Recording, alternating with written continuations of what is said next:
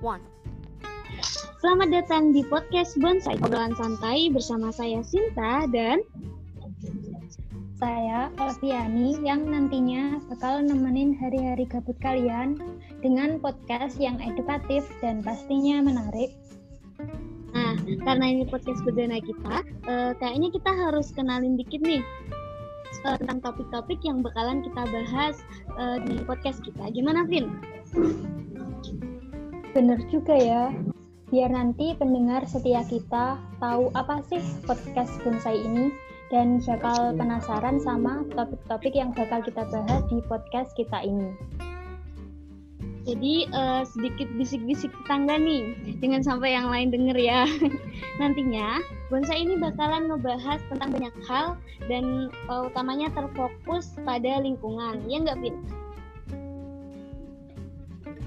Bener banget, Sin. Di sini kita bakal bahas lebih detail dengan kemasan yang lebih menarik dan narasumber yang pastinya kocak serta berwawasan.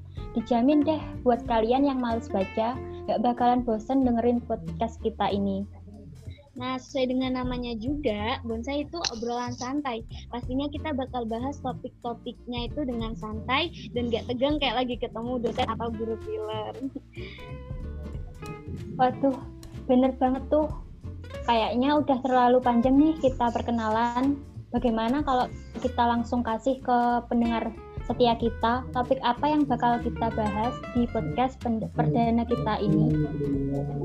Oh iya, dilihat-lihat juga bener ya kita udah bahas panjang. Oke deh, kalau gitu uh, topik yang bakalan uh, kita bahas di podcast perdana kali ini itu tentang masalah-masalah lingkungan nih, Vin. Utamanya yang banyak terjadi di sekitar kita. dan bakal seru nih pembahasan kita kali ini. Tapi nggak bakal seru kalau kita cuman ngobrol ber berdua ini. Tenang-tenang, kita kan udah nyiapin dua pemateri yang bakal nemenin kita untuk ngebahas topik masalah kali ini. Dan tentunya e, narasumbernya ganteng dan cantik juga. Nah, di sini udah hadir dua narasumber kita yang satunya cantik dan satunya ganteng lebih afdal lagi kalau mereka perkenalan diri sendiri karena katanya kalau tak kenal maka tak arif ya tak kenal maka tak sayang sih oh iya oke kalau gitu silakan untuk kakak-kakak narasumber kita uh, kenalin diri dulu yuk uh, yang cantik dulu deh katanya kan ladies first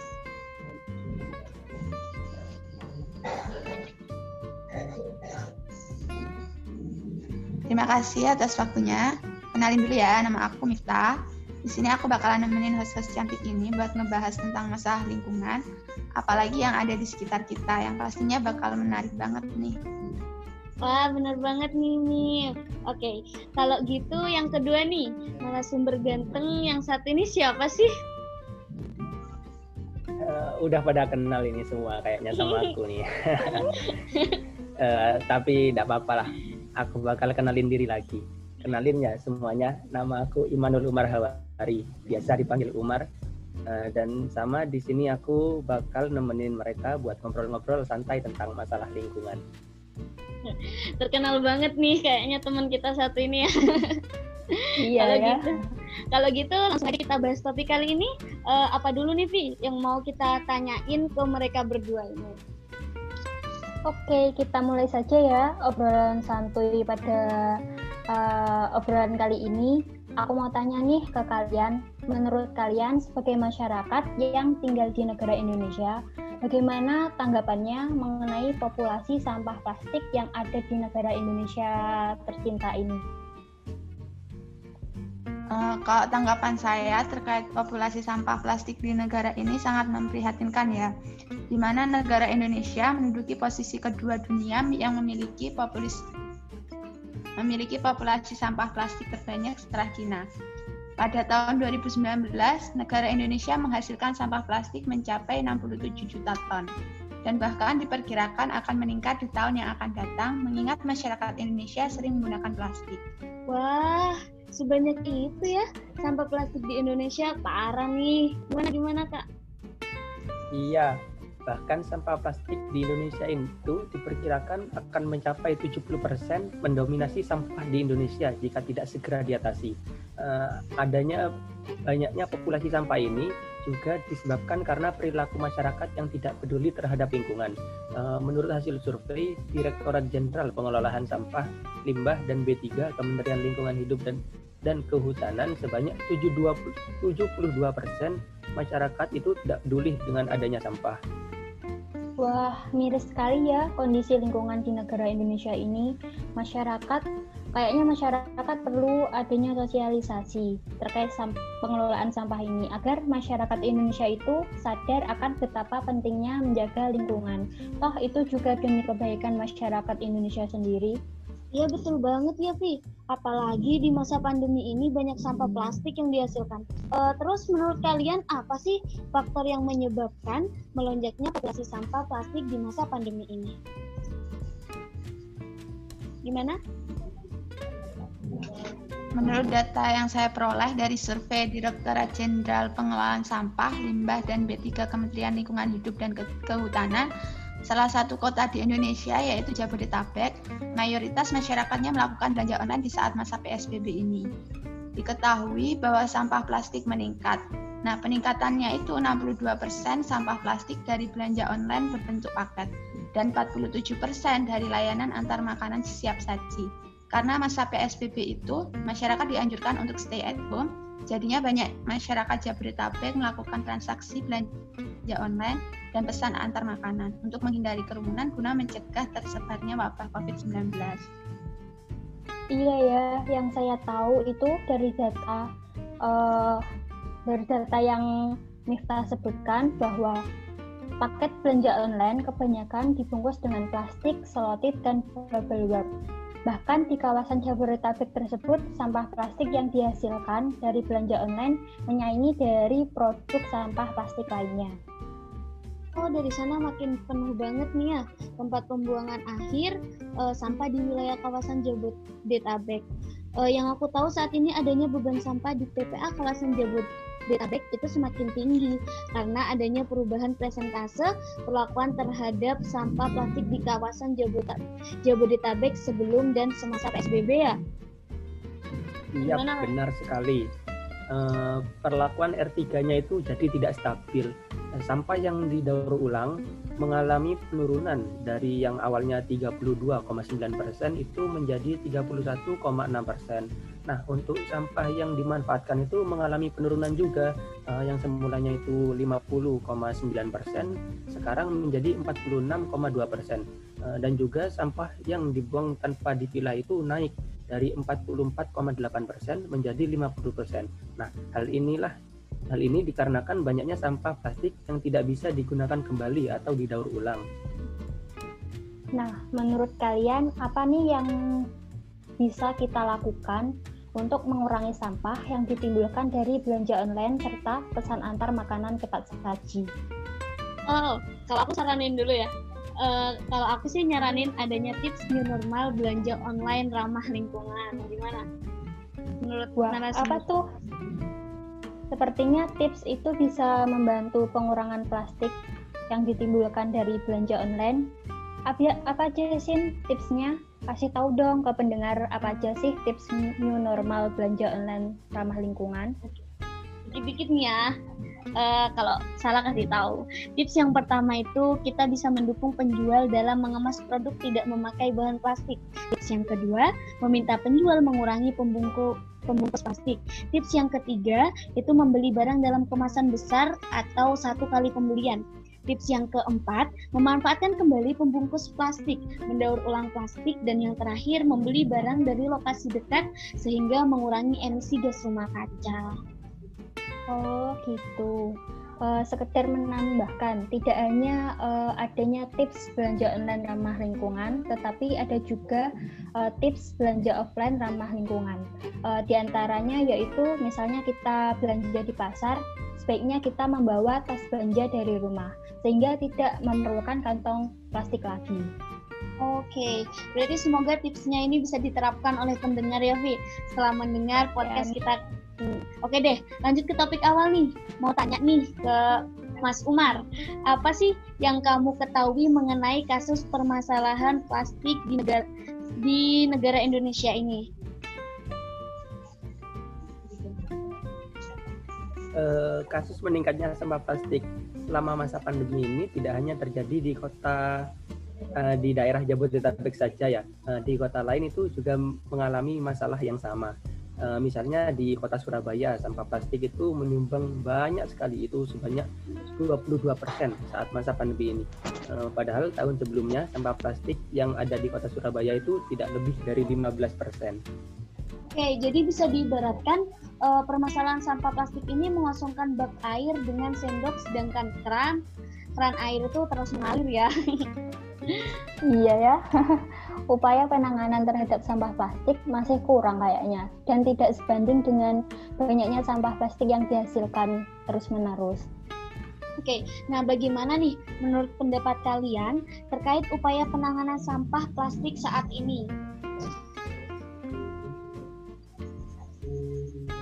Kalau menurutku, pengelolaan sampah plastik itu dapat dilakukan dengan baik jika kita tahu prinsip-prinsip dasar pengelolaan sampah uh, apa aja nih uh, prinsip dasar pengelolaan sampah Mifta yang baik dan benar agar semua pendengar podcast ini nih bisa tahu dan bisa mengimplementasikan setelah mendengar podcast kita ini. Untuk prinsip dasar pengelolaan sampah yang pertama itu pembatasan timbunan sampah dengan cara menghindari potensi timbunan sampah dan pengurangan jumlah timbunan. Yang kedua, pemanfaatan sampah, yang ketiga pendaur ulangan sampah, yang keempat pembangkitan energi dari sampah, dan yang terakhir itu pemrosesan akhir yang meliputi sanitary landfill, controlled landfill, dan open dumping. Uh, iya, itulah prinsip dari pengolahan sampah yang baik dan benar. Uh, dalam pengelolaan sampah diperlukan adanya kerjasama yang baik antara masyarakat dan pen dan pemerintah supaya pengelolaan sampah itu berjalan dengan maksimal. Oke, uh, kalau uh, gitu, gimana menurut uh, Mas Umar nih kerjasama yang baik antara masyarakat dan pemerintah terkait penanganan sampah plastik? Uh, jadi gini ya, Eh, prinsip-prinsip pengelolaan tadi itu dapat dibagi tugas dan tanggung jawabnya antara masyarakat dan pemerintah. E, misalnya masyarakat itu bisa melakukan pengurangan sampah plastik yang dihasilkan sesuai dengan prinsip-prinsip tadi, yaitu penjagaan timbulan plastik, sampah plastik, pengurangan jumlah timbulan sampah plastik, pendaur ulangan sampah plastik, dan pemanfaatan kembali sampah plastik itu. Nah, sedangkan pemerintah memiliki tugas dan tanggung jawab apa nih terhadap pengelolaan sampah plastik?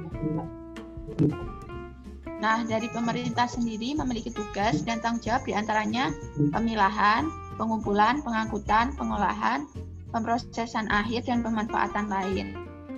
Nah, proses-proses tersebut biasanya dilakukan di TPA.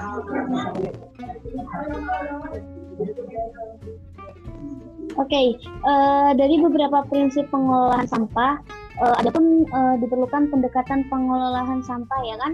Uh, menurut kalian ini apa saja pendekatan pengelolaan sampah itu? Uh, jadi begini ya, uh, pendekatan pengelolaan sampah yang pertama yaitu minim sampah atau biasa disebut less waste eh, di mana minim sampah ini merupakan penanganan sampah yang diselesaikan melalui perubahan perilaku yang memiliki nilai-nilai dasar perubahan perilaku terhadap pengurangan, pencegahan, atau pembatasan sampah. Eh, teori dasar dari pendekatan minim sampah ini adalah limit to grow dan disruption. Eh, adapun target yang dari pendekatan minim sampah ini di antaranya adalah single use plastic bag kantong kresek cutlery and dan plastik straw atau alat-alat makan dan sedotan plastik dan yang ketiga adalah no styrofoam.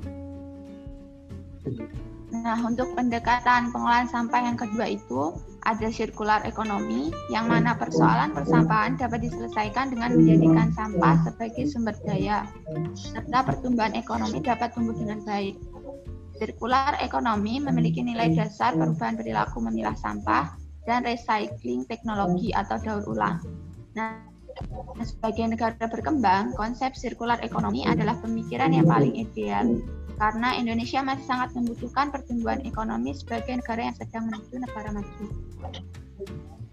Nah, setahu saya ada satu pendekatan, la pendekatan lagi yaitu pelayanan dan teknologi, di mana pelayanan dan teknologi merupakan konsep kumpul angkut uang yang lebih advanced, di mana persoalan persampahan dapat diselesaikan melalui pelayanan oleh pemda dan pendekatan teknologi di mana nilai-nilai dasarnya adalah satu penggunaan teknologi, dua pelayanan 100%. Uh, konsep ini membutuhkan biaya dan kos yang relatif cukup mahal.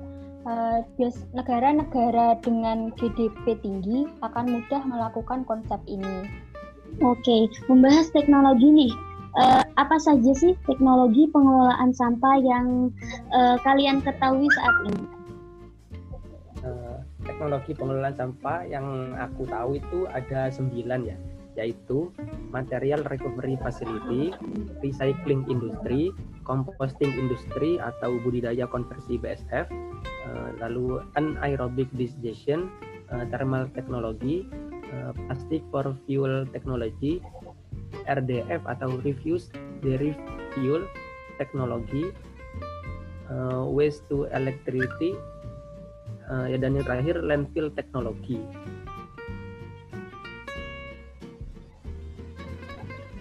kayaknya uh, kita perlu mengubah mindsetting kita dari buang sampah uh, pada tempatnya menjadi sampahku adalah tanggung jawabku. Pilihlah sampah sejak di sumbernya. Benar nih karena iya benar karena masih banyak dari masyarakat kita itu yang cuek bahkan bodo amat dengan masalah sampah yang ada di sekitar. Mereka hanya peduli dengan apa yang mereka butuhkan tanpa memikirkan apa penyebab yang terjadi nantinya. Ya enggak, Mar? Ya, betul banget nih ya. apa yang Alfi utarakan. Aduh, ya. aduh, aduh. Ternyata nggak terasa ya. Kita udah bahas banyak banget ya tentang uh, salah satu masalah lingkungan ini. Uh, terutamanya uh, fokus sampah plastik yang menjadi highlight dari masalah lingkungan saat ini. Iya ya, udah cukup kali ya uh, kita bahas topik kali ini. Kayaknya kalau kita sudahi bakal lebih panjang nih podcast perdana kita kali ini. Kalau gitu uh, gimana sebelum kita tutup uh, kita lagi ucapin terima kasih nih sama kedua narasumber hebat kita kali ini yang udah ngasih banyak pengetahuan baru dan informasi-informasi yang bermanfaat banget tentunya buat pendengar setia kita nantinya. Uh, terima kasih Umar uh, dan terima kasih Miftah. Terima kasih Miftah. Iya udah meluangin waktunya. waktunya buat sharing dan bincang-bincang bareng kita ya. Bincang bareng kita. Oke oke, iya, sama-sama sama Sin. Jangan bosan-bosan ya buat balik lagi ke podcast kita ya guys. Nantinya kita bahas materi yang lain yang tentunya bakal lebih seru. Iya nih dengan topik yang seru nantinya. Oke. Iya ya. pasti ditunggu pasti undangannya ya. Oke deh. Oke deh, kalau gitu uh, kita tutup podcast kita kali ini ya, Vi. Uh, terima kasih buat kalian yang udah dengerin sampai akhir. Jangan bosen-bosen buat dengerin ocehan dari kita berdua. Harus dong. Nanti kita kan bakal sajikan topik-topik yang lebih seru dari ini dan pastinya bikin kalian semua penasaran. Kalau gitu uh, sekian podcast kita kali ini uh, kita akhiri ya. Assalamualaikum warahmatullahi wabarakatuh. Terima kasih semua.